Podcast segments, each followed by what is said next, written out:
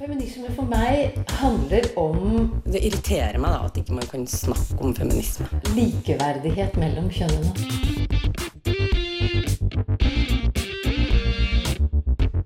Det blikket på kvinnen på film. Det handlet om å bli tatt på alvor som jente.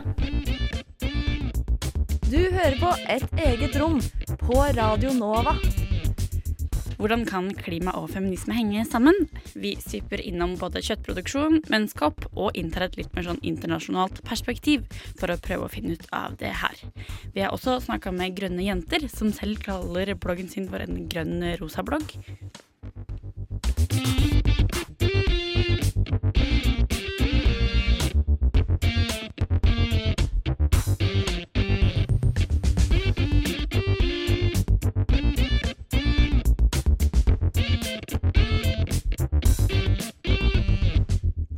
Begynner å nærme seg påske nå, og jeg er vel kanskje allerede i påsken, vil noen si.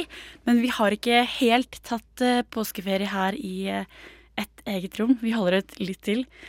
Jeg, Eline Hystad og Anne Marie Sunde vi skal holde deg med selskap helt fram til klokka 11. Og med oss så har vi også Linda Therese Rosenberg på teknikk. Vår helt egne Linda Therese Rosenberg der, altså. Det her blir gøy. Og det er faktisk første gang du er i studio også, Anne Marie. Det er det, vet du. Ja, velkommen hit. Ja, takk, takk. Veldig, veldig hyggelig. Vi skal snakke om klima og feminisme i dag. Og det er vel ikke egentlig en sånn helt åpenbar eh, link der? Nei, jeg tror det er litt vanskelig å se for seg at klima og feminisme egentlig har noe med hverandre å gjøre. Men eh, vi har jo undersøka litt, og da viser det seg jo at det absolutt kan finnes en sammenheng mellom det. Ja, og på litt sånn ulike nivåer også, tror jeg. Ja, det er litt vanskelig å skille der mellom feminisme og klima i Norge og feminisme og klima i utlandet. Uh, og det er litt forskjellige saker man kan gjøre, og forskjellige saker man bør tenke over. Men jeg tror det er en klar link både her og i utlandet. Jeg tror det er litt viktig å være obs på det. For jeg tror det er ganske mange ting man kan gjøre, både som feminist og som eh, klimaforkjemper, som egentlig henger sammen. Men det er litt sånn interessant det her med hvor Altså, det gir mening at det er saker altså, Hvis man er politisk engasjert i feminisme, så er man kanskje gjerne politisk engasjert i miljø også. Mm. Men hvordan eh, er det, er det nødvendigvis en link, da? Er det sånn at man er klimaforkjemper når man er feminist? Ja, det er jo litt vanskelig egentlig å finne ut av, men jeg tror absolutt man bør være det, i alle fall. Veldig normativt. Ja. ja. Vi skal i hvert fall innom en god del ting, men aller først skal vi høre Rødtvet rockeband, som også skal på Novafest, eh, vår helt egen festival i år. Her er det med kald kaffe.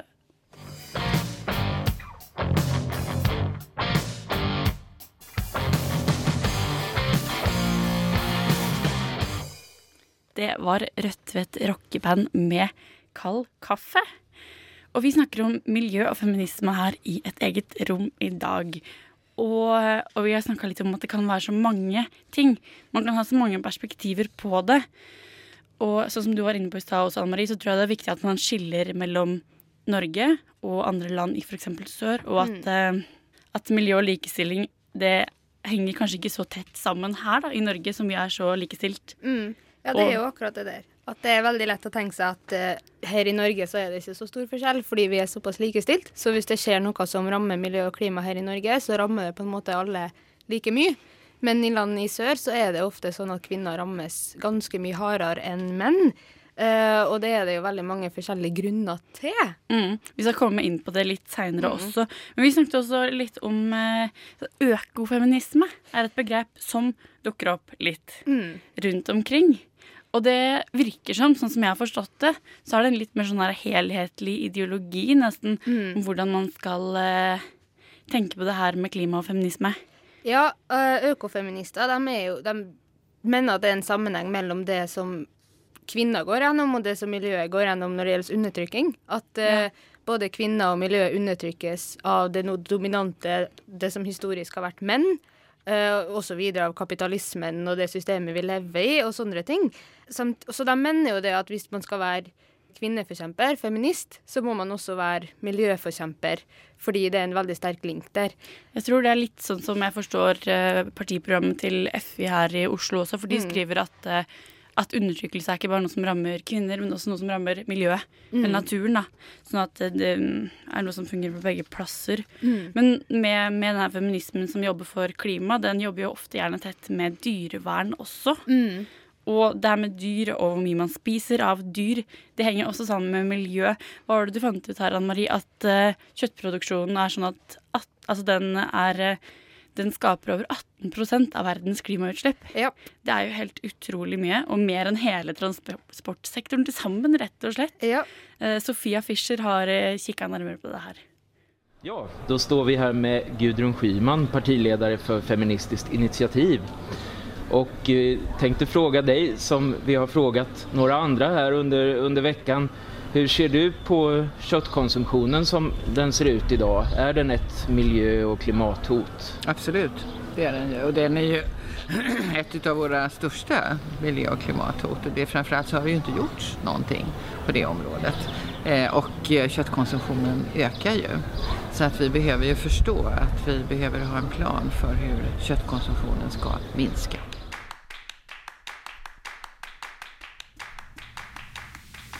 Feministiskt initiativ i Sverige har en vision om en hållbar värld där vi inte konsumerar mer resurser än det som vår planet kan producera.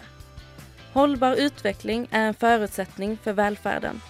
Den hållbara utvecklingen präglas av globala, ekonomiska, sociala och miljömässiga rättvisdimensioner där den antirasistiska feministiska maktanalysen utgör ett självklart perspektiv.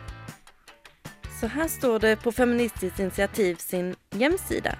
Det har en djurrättsgrupp som arbetar aktivt for miljø og dyrens rettigheter. Men hvorfor? Hvorfor er det så viktig? We will not succeed until we stop animal agriculture. And by succeed, I mean we will not save ecosystems to the extent necessary. We will not have enough food for people around the planet. We will not stop global warming. We will not stop pollution in the dead zones that run off all the fields of corn and soy that are grown to feed livestock.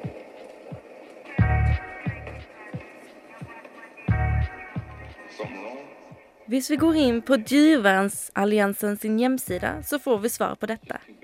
Här står det nämligen om vår egen köttkonsumering och effekten den har på miljön. I löpet av de sista 40 åren har köttkonsumentet økt enormt över hela världen. I Norge alene slaktas cirka 40 miljoner dyr i köttproduktion hvert år. En genomsnittlig nordmann spiser nå over 60 kilo kjøtt i året. Samtidig er ca. 37 procent av befolkningen skeptiske til egen kjøttkonsumering. Og ca. hälften av befolkningen unngår enkelt kjøttslag eller kjøtt generellt fordi det de misliker moderne modern köttproduktion. Den internationella dyrevernsorganisasjonen Compassion in World Farming, der Dyrevernsalliansen er medlemmer, lanserer nå kampanjen Eat Less Meat. Målet er å redusere kjøttkonsumentet med 15 procent innan 2020. Men er dette nok?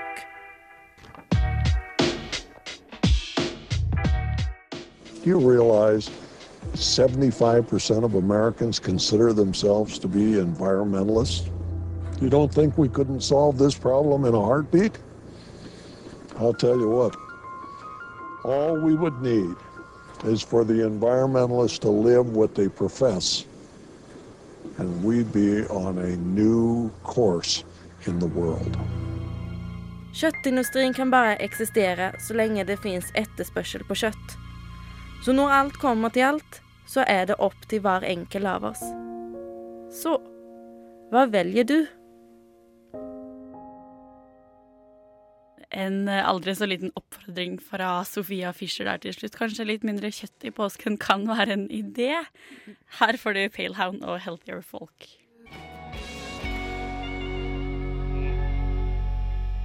Du som er sliten og sinna og lei.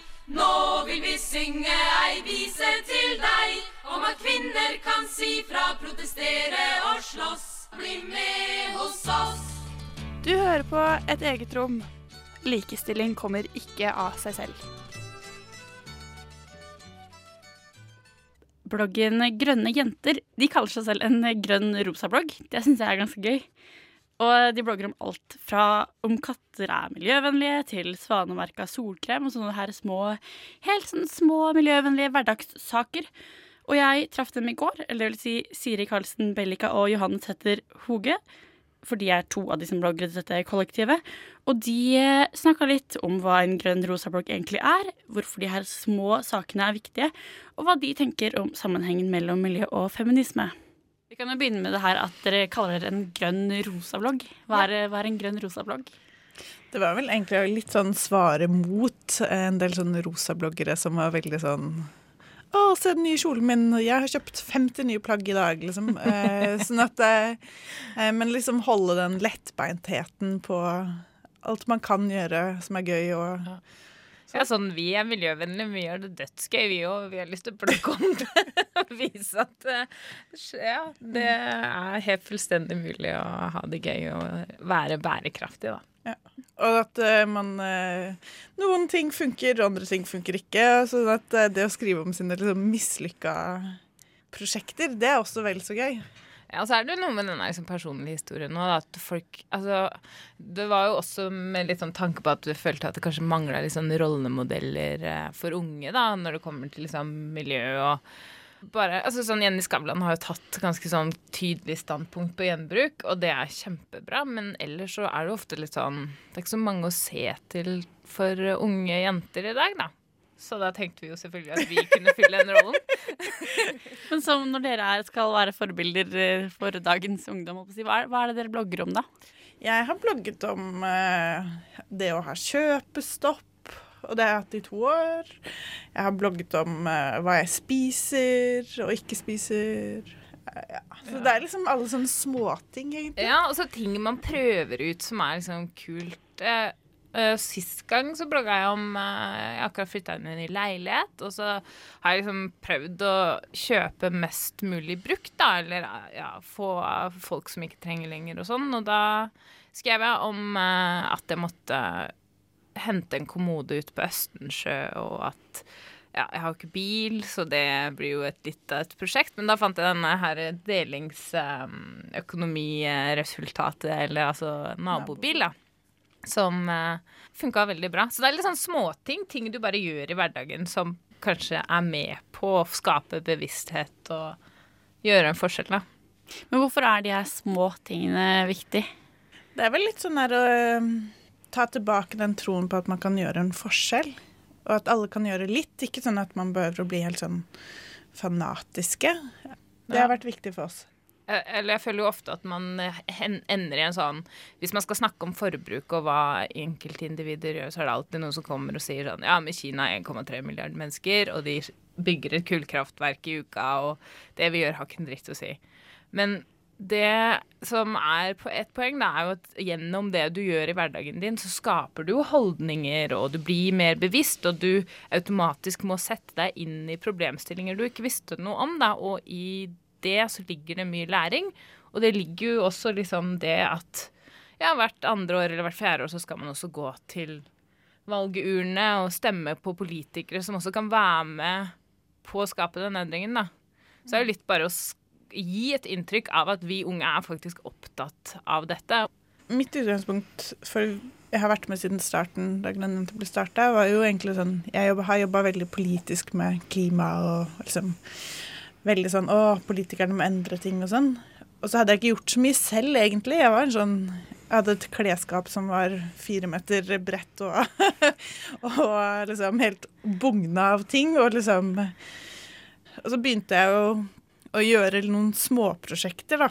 Og så kom liksom ideen om grønne jenter, og at det handler jo ikke om at de små prosjektene man gjør, ikke er politiske.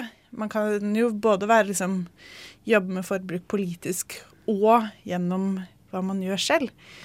Sånn at eh, vi er nok ikke sånn at nei, politikk har ikke noe å si. Det eneste Ja. har hva for, forbrukeren sier. Det er heller ikke så Det er sånn Det er jo alltid en ting imellom der, liksom. Og så tror jeg nok at uh, det jeg vet ikke, Når man har satt seg litt inn i hva klimaendringer handler om, og miljøproblemer og alle de tingene som skjer på jorda som bare er litt sånn ute av kontroll, så tror jeg at uh, man kan fort oppleve en sånn stor maktesløshet da, som er veldig kjip å føle på noen ganger. Og da syns jeg bare at det hjelper litt å bare føle deg sånn da. Så putter jeg den uh, bananskallet i den grønne posen, og så er det bare litt bedre. da, sånn der, Eller at, ja, at man ikke kjøper nye klær, men at man arrangerer byttekvelden med jentene. Og så har man fått bidratt litt, da, for ellers så føler man vel ofte at uh, ting skjer på et veldig sånn høyt politisk og abstrakt nivå, og det blir veldig vanskelig å ta det inn i eget liv, da.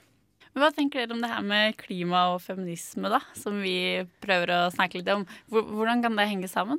Ja, altså, jeg tror jo, eller jeg har liksom tenkt litt på det der med at feminisme det handler jo om ulikhet og urettferdighet, da. Og det er jo på en måte det miljøkampen også handler om. Ulikheter mellom dagens generasjoner, framtidige generasjoner, nord og sør. Og ja, miljøet. At liksom arter går forsvinner på bekostning av menneskelig atferd. Og samtidig så, ja det, Jeg tror at klimaet angår alt. Altså sånn, og det, mye tyder jo på at kvinner er kanskje de som blir ramma ekstra hardest i mange land nå, da. Men sånn for vår del så tror jeg det handler om også hva slags press unge jenter føler på i dag. Mm. Og, um, og, veldig mye av den derre at man skal se sånn ut og ha disse tingene, og en slags sånn idé om det perfekte pliktoppfyllende, pliktoppfyllende jenta, da. Ja, som forbruker helt enormt, og som for å være så perfekt så må man forbruke ja. ja.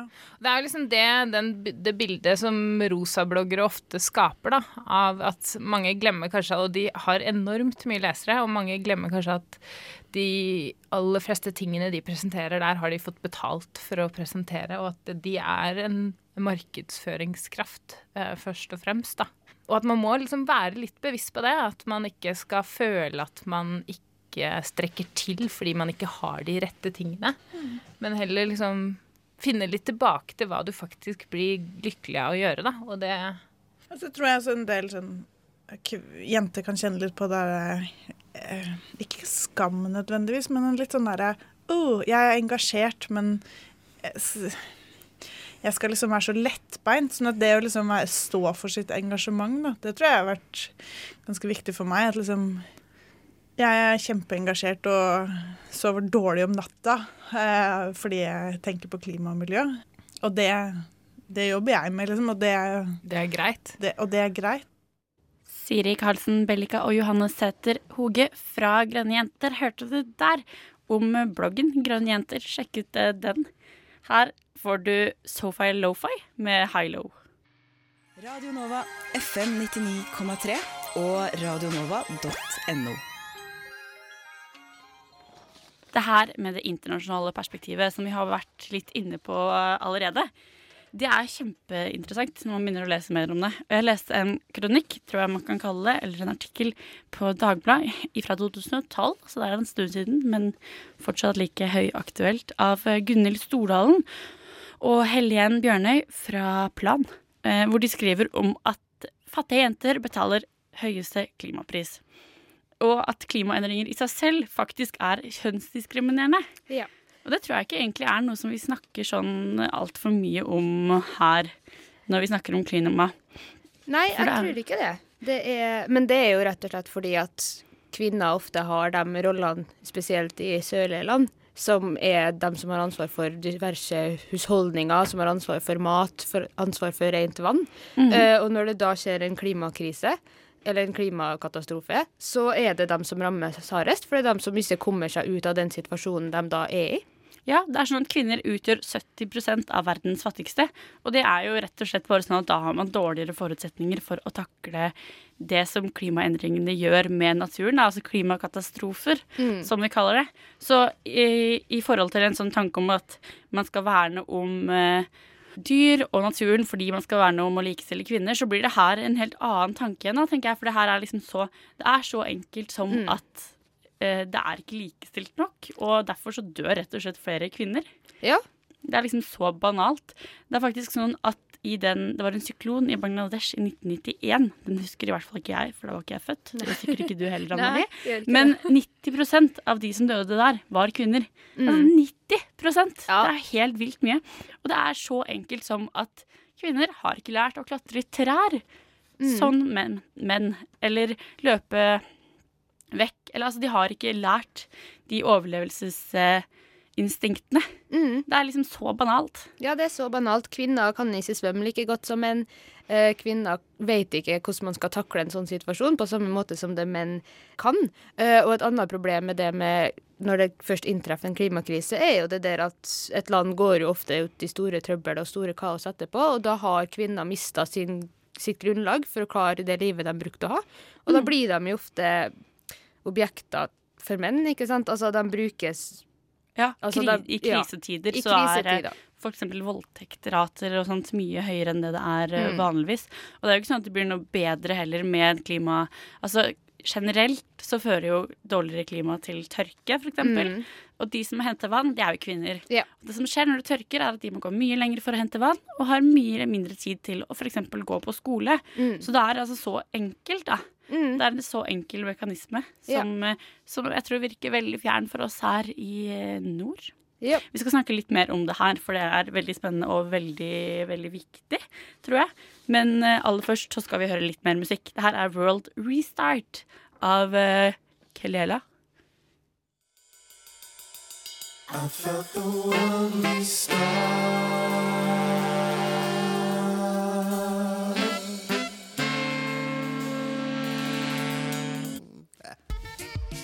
Kindness og Kelela med World Restart hører du de siste funky tonene til her. Vi snakker om klima og feminisme her i Et eget rom i dag. Eline og Anne Marie. Og vi er litt inne på det her med internasjonal. Et internasjonalt perspektiv nå. Mm. Fordi at selv om vi i Norge kanskje ikke merker så veldig mye til klimaendringer, så er det veldig mange i sør som merker mye mer enn oss. Mm. Og som vi snakket om før, før låta, så er det faktisk sånn at det er så enkelt som at kvinner har, er mer fattige enn menn, gjerne. Eh, har ikke lært å svømme og klatre i trær, og dør flere av i store klimakatastrofer. Sånn at her så er det jo en, liksom et feministisk perspektiv på egentlig å bryte opp i liksom tradisjonelle kjønnsroller, da, som kan gjøre at eh, kvinner har bedre forutsetninger for å overleve i Mm. klimakatastrofer. Og det her er noe som mange mener at klimafond og klimatiltak bør i mye større grad ta til seg. Og i 2011 så kom det en rapport som heter 'Governing Climate Funds What Will Work for Women', som bl.a. noe som heter Oxfam har vært med på å lage. Og det handler om nettopp det her som vi har vært inne på, med at når naturkatastrofer inntreffer, så har kvinner et dårligere tilgang til både varslingssystemer og til nødhjelp og tilfluktssteder. Og de får også gjerne mye mindre penger i sånn tapsstøtte.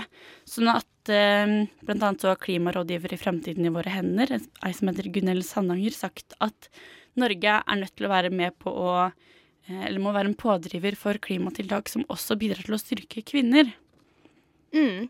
Og en av de virkelig gode klimatiltakene som man kan eh, gjøre, som man kan støtte når man er her i Norge, er jo f.eks. det der med fair trade. Eh, det fair trade går ut på, er det at de produktene som skapes, får fair trade-merke, som betyr at eh, de er altså godkjent, at de som produserer varene, får den lønna de skal ha. De som produserer varene, har et arbeidsmiljø som er trygt, som er sikkert. Uh, og de er sikra hvis det skulle skje f.eks. klimakatastrofer. For det er faktisk sånn at tekstilarbeidere i fattige land de får 0,5 0,5% av plaggets utsalgspris. Mm. Og det er jo helt sykt lite. Det vil si at hvis du kjøper en genser til 149 på en Maurits, så får disse damene, som det som regel er, som har laga genseren, faktisk under ei krone. Mm. Så hvis man kjøper Fairtrade, så kan man også kjøpe mindre klær. Tror jeg. Hvis du må kjøpe genser til 700, så kjøper du færre klær. Ja. Det i seg selv er jo også et klimatiltak. Det er Men du kan absolutt. også være med på å styrke disse kvinnene. Mm. Og, og gi dem mer penger, som igjen gjør at de er mer rusta i, i klimakatastrofer. Mm. Det er en ganske bra deal. Det er en veldig bra deal. I tillegg til å være bra for kvinner, så er det jo også bra for miljøet. For Fairtrade sikrer også at man dyrker spesielt jorda, som man, mange kvinner gjør. Den blir dyrka på en miljøvennlig måte, på en sikker måte, som gjør at landene som det dyrkes i, også kan ha avlinger videre år, og at det ikke går utover eksempel, at det ikke er kjemikalietap og sånne ting. Eh, så det er både et bra klimatiltak og et veldig bra kvinnetiltak. Mm. noen Masse gode argumenter her. Jeg så faktisk en sånn kvinnekaffe her en dag. Det er Ja. første gang jeg har sett. Jeg har sett Fairtrade og økologisk kaffe, men ikke kvinnekaffe. Men ja, det er en god idé. Vi skal høre litt mer musikk her i et eget rom. Det her er Okai Kaya og Durer. Oh, Yeah, my, my point feminism being better than men. Is it? Et eget rom prøver å finne ut hvor mye feminisme egentlig kan være. Hver mandag på Radio Nova.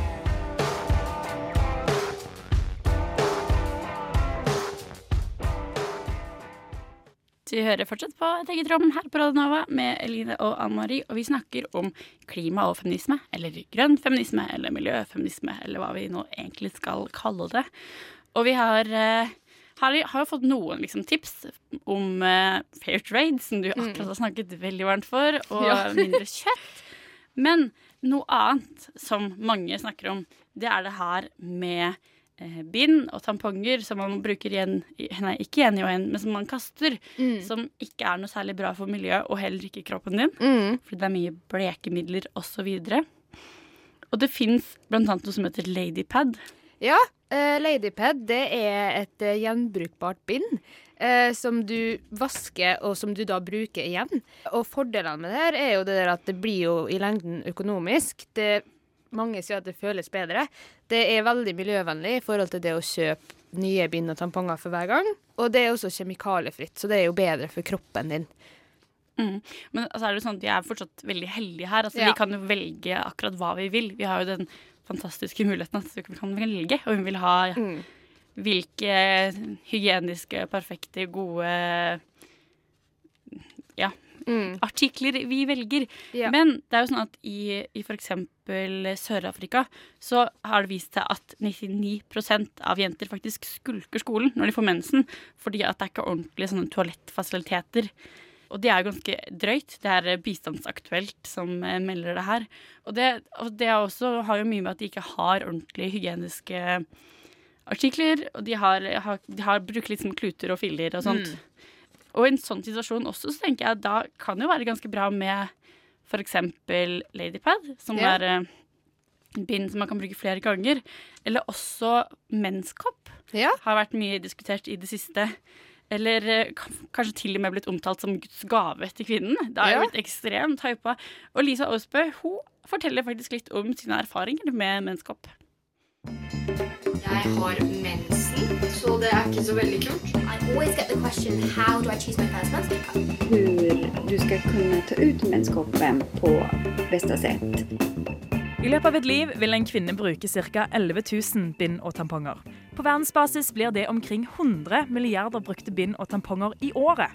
Og når man skal snakke om miljø og feminisme, kan en umulig ikke komme inn på temaet mensen. For det finnes alternativer som både er bra for miljøet og for helsa di, og det er menskoppen.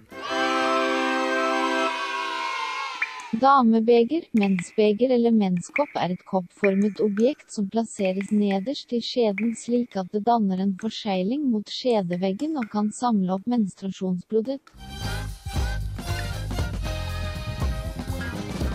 Kjært barn har mange navn, som de sier. Men denne menskoppen er altså en type Ja, rett og slett en kopp i gummi som kan brukes om igjen og om igjen i opptil ti år. Mellom hver menstruasjon så steriliserer du den ved å koke den før den er klar igjen til neste gang.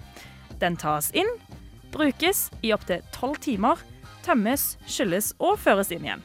Og Hvis du først har fått tegn på det, så er den superlett i bruk. Bare spør ja, eksempel meg. Jeg har brukt menskopp i to år og er kjempefan. Og jeg ble ikke mindre fan når jeg fikk vite etter litt research at bind og tamponger inneholder kjemikalier. Wow. Ja, kjemikalier, folkens. Det kommer fra blekningsprosessen de går igjennom for å bli helt kritthvite.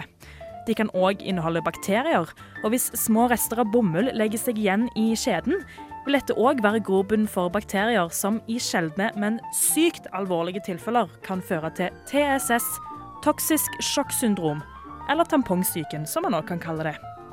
Hvis du bruker en menskopp, er det ingen kjemikalier og ingen bomull som legger seg igjen. Og det er heller ingen slimhinner som blir tørka ut.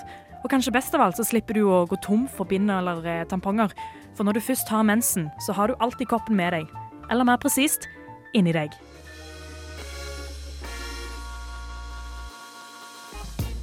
Som menskoppbruker så får jeg ganske ofte spørsmål om det er ekkelt. Om det er ekkelt å se menstruasjonsblodet sitt i sin reneste form. Om det er ekkelt å få det på fingrene. Åh, herregud, æsj. Åh. Nei, altså Det er ikke så ekkelt som man skulle trodd. Og man slipper luktproblemet fra en overfylt varm søppelbøtte med brukte bind og tamponger. Hvis du er en av de som vurderer å skaffe deg en menskopp, så er det viktig å tenke på at det ikke bare er gull og røde enger. Hehe. Det kan være litt knudrete i starten. Det krever litt tid å bli vant med det. Eh, Og det krever en spesiell teknikk å få satt den inn og tatt den ut. Og det finnes hundrevis av forskjellige kopper på markedet, som f.eks. Diva Cup, Moon Cup, Meluna Cup, Ruby Cup og Lunette. Og de varierer smått i størrelse og fleksibilitet på gummien og form og i farge. Du kan til og med skaffe deg en menskopp med glitter. Det er jo egentlig litt koselig.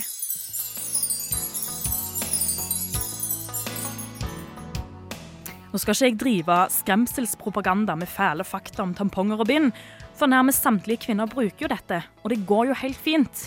Men fra et miljøperspektiv så bør man i alle fall på sikt håpe at flere kvinner vil konvertere over til gjenbrukbare løsninger.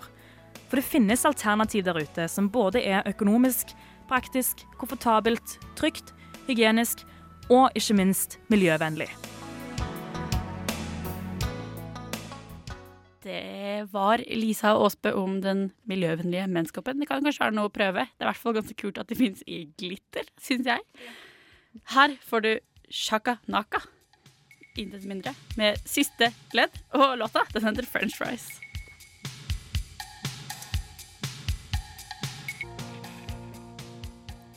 Artistene her het altså Shaka Naka og Siste Ledd, og de er en gitar- og trommeduo fra Bergen, hvis det er noen tvil. Og låta den het French Fries. Ganske sånn, tilfeldige ord stabla sammen, høres det kanskje ut som, men det er altså det de heter. Vi snakker om miljø og feminisme i dag. Og helt sånn avslutningsvis så tenkte jeg at det passer jo perfekt å runde av med noen miljøtips. Og imens jeg hadde grønne jenter her i studio, så tenkte jeg at jeg skulle spørre de, for de er vel eh, kanskje ekspertene våre, i hvert fall eh, i dag, på miljøtips. Så her får du altså Silje Karlsen Bellika og Johannes Sæther Hogge med fem klimatips. Første tipset det er å prøve å ha én kjøttfri dag i uka. Og det er veldig lavterskel, og det gjør jo egentlig bare at man får litt bedre innsikt i hvor mye gode grønnsaker som fins. Hvis man syns at det blir litt for lite, eh, så kan man også ha kjøttfri uke, altså bare spise kjøtt i helgene f.eks. Så det er vårt første tips. Og vårt andre tips det er det å arrangere byttekveld. Det er å bytte til seg klær og, og sånn er eh, kjempemorsomt og sosialt og gøy. Og så får man også noen nye klær og Og så blir man kvitt hva det er man angrer på at man kjøpte. Det er liksom min sånn Jeg blir sånn bare, åh, Endelig så slipper jeg å se på den og tenke hva var det jeg tenkte når jeg kjøpte den der. Så det er en sånn vinn-vinn-vinn-greie med byttekveld. Og det tredje, det er uh, reising. Hvis man planlegger ferie, da. Altså flytrafikken står jo for eh, en del utslipp, det òg. Og også det at man liksom Her i Norge, vi er så ekstremt heldige som bor i et land som har så mye vakre plasser sånn rett rundt hjørnet. Så det er egentlig bare å oppdage nærområdene dine. Altså sånn ta en helg eh, på toget til Røros istedenfor å fly til New York. Tenk litt alternativt rundt ferie, for det er veldig mange fine opplevelser som venter rett rundt svingen.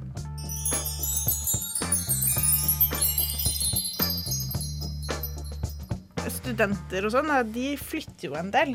Sånn at eh, det å kjøpe brukt når man skal eh, flytte til et nytt sted eller eh, trenger en ny klesskap eller sånne ting, Mm.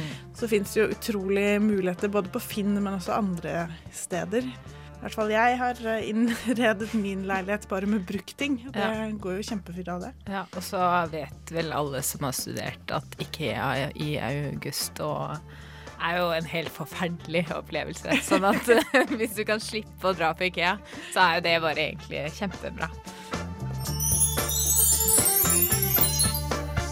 Også den siste er da å um, Altså når du skal gi bort ting altså Vi havner jo ofte i en del situasjoner der gaver er en sånn sentral ting.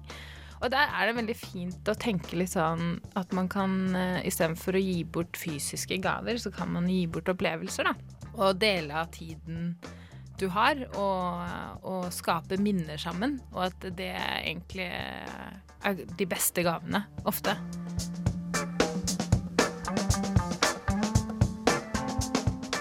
Der fikk du fem miljøtips fra grønne jenter helt på slutten her i, i ukas sending, rett og slett. Vi er faktisk ikke tilbake neste uke. Det pleier vi alltid å si, men nå er vi ikke det. For da har vi påskeferie.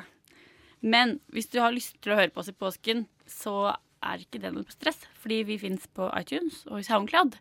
Så hvis du ikke har fått med alle sendingene våre, så syns jeg du skal gå inn der og bare laste ned og fylle mobilen. Ja. Og gå på ski og høre på Et eget rom. Ja, ingenting bedre. Nei.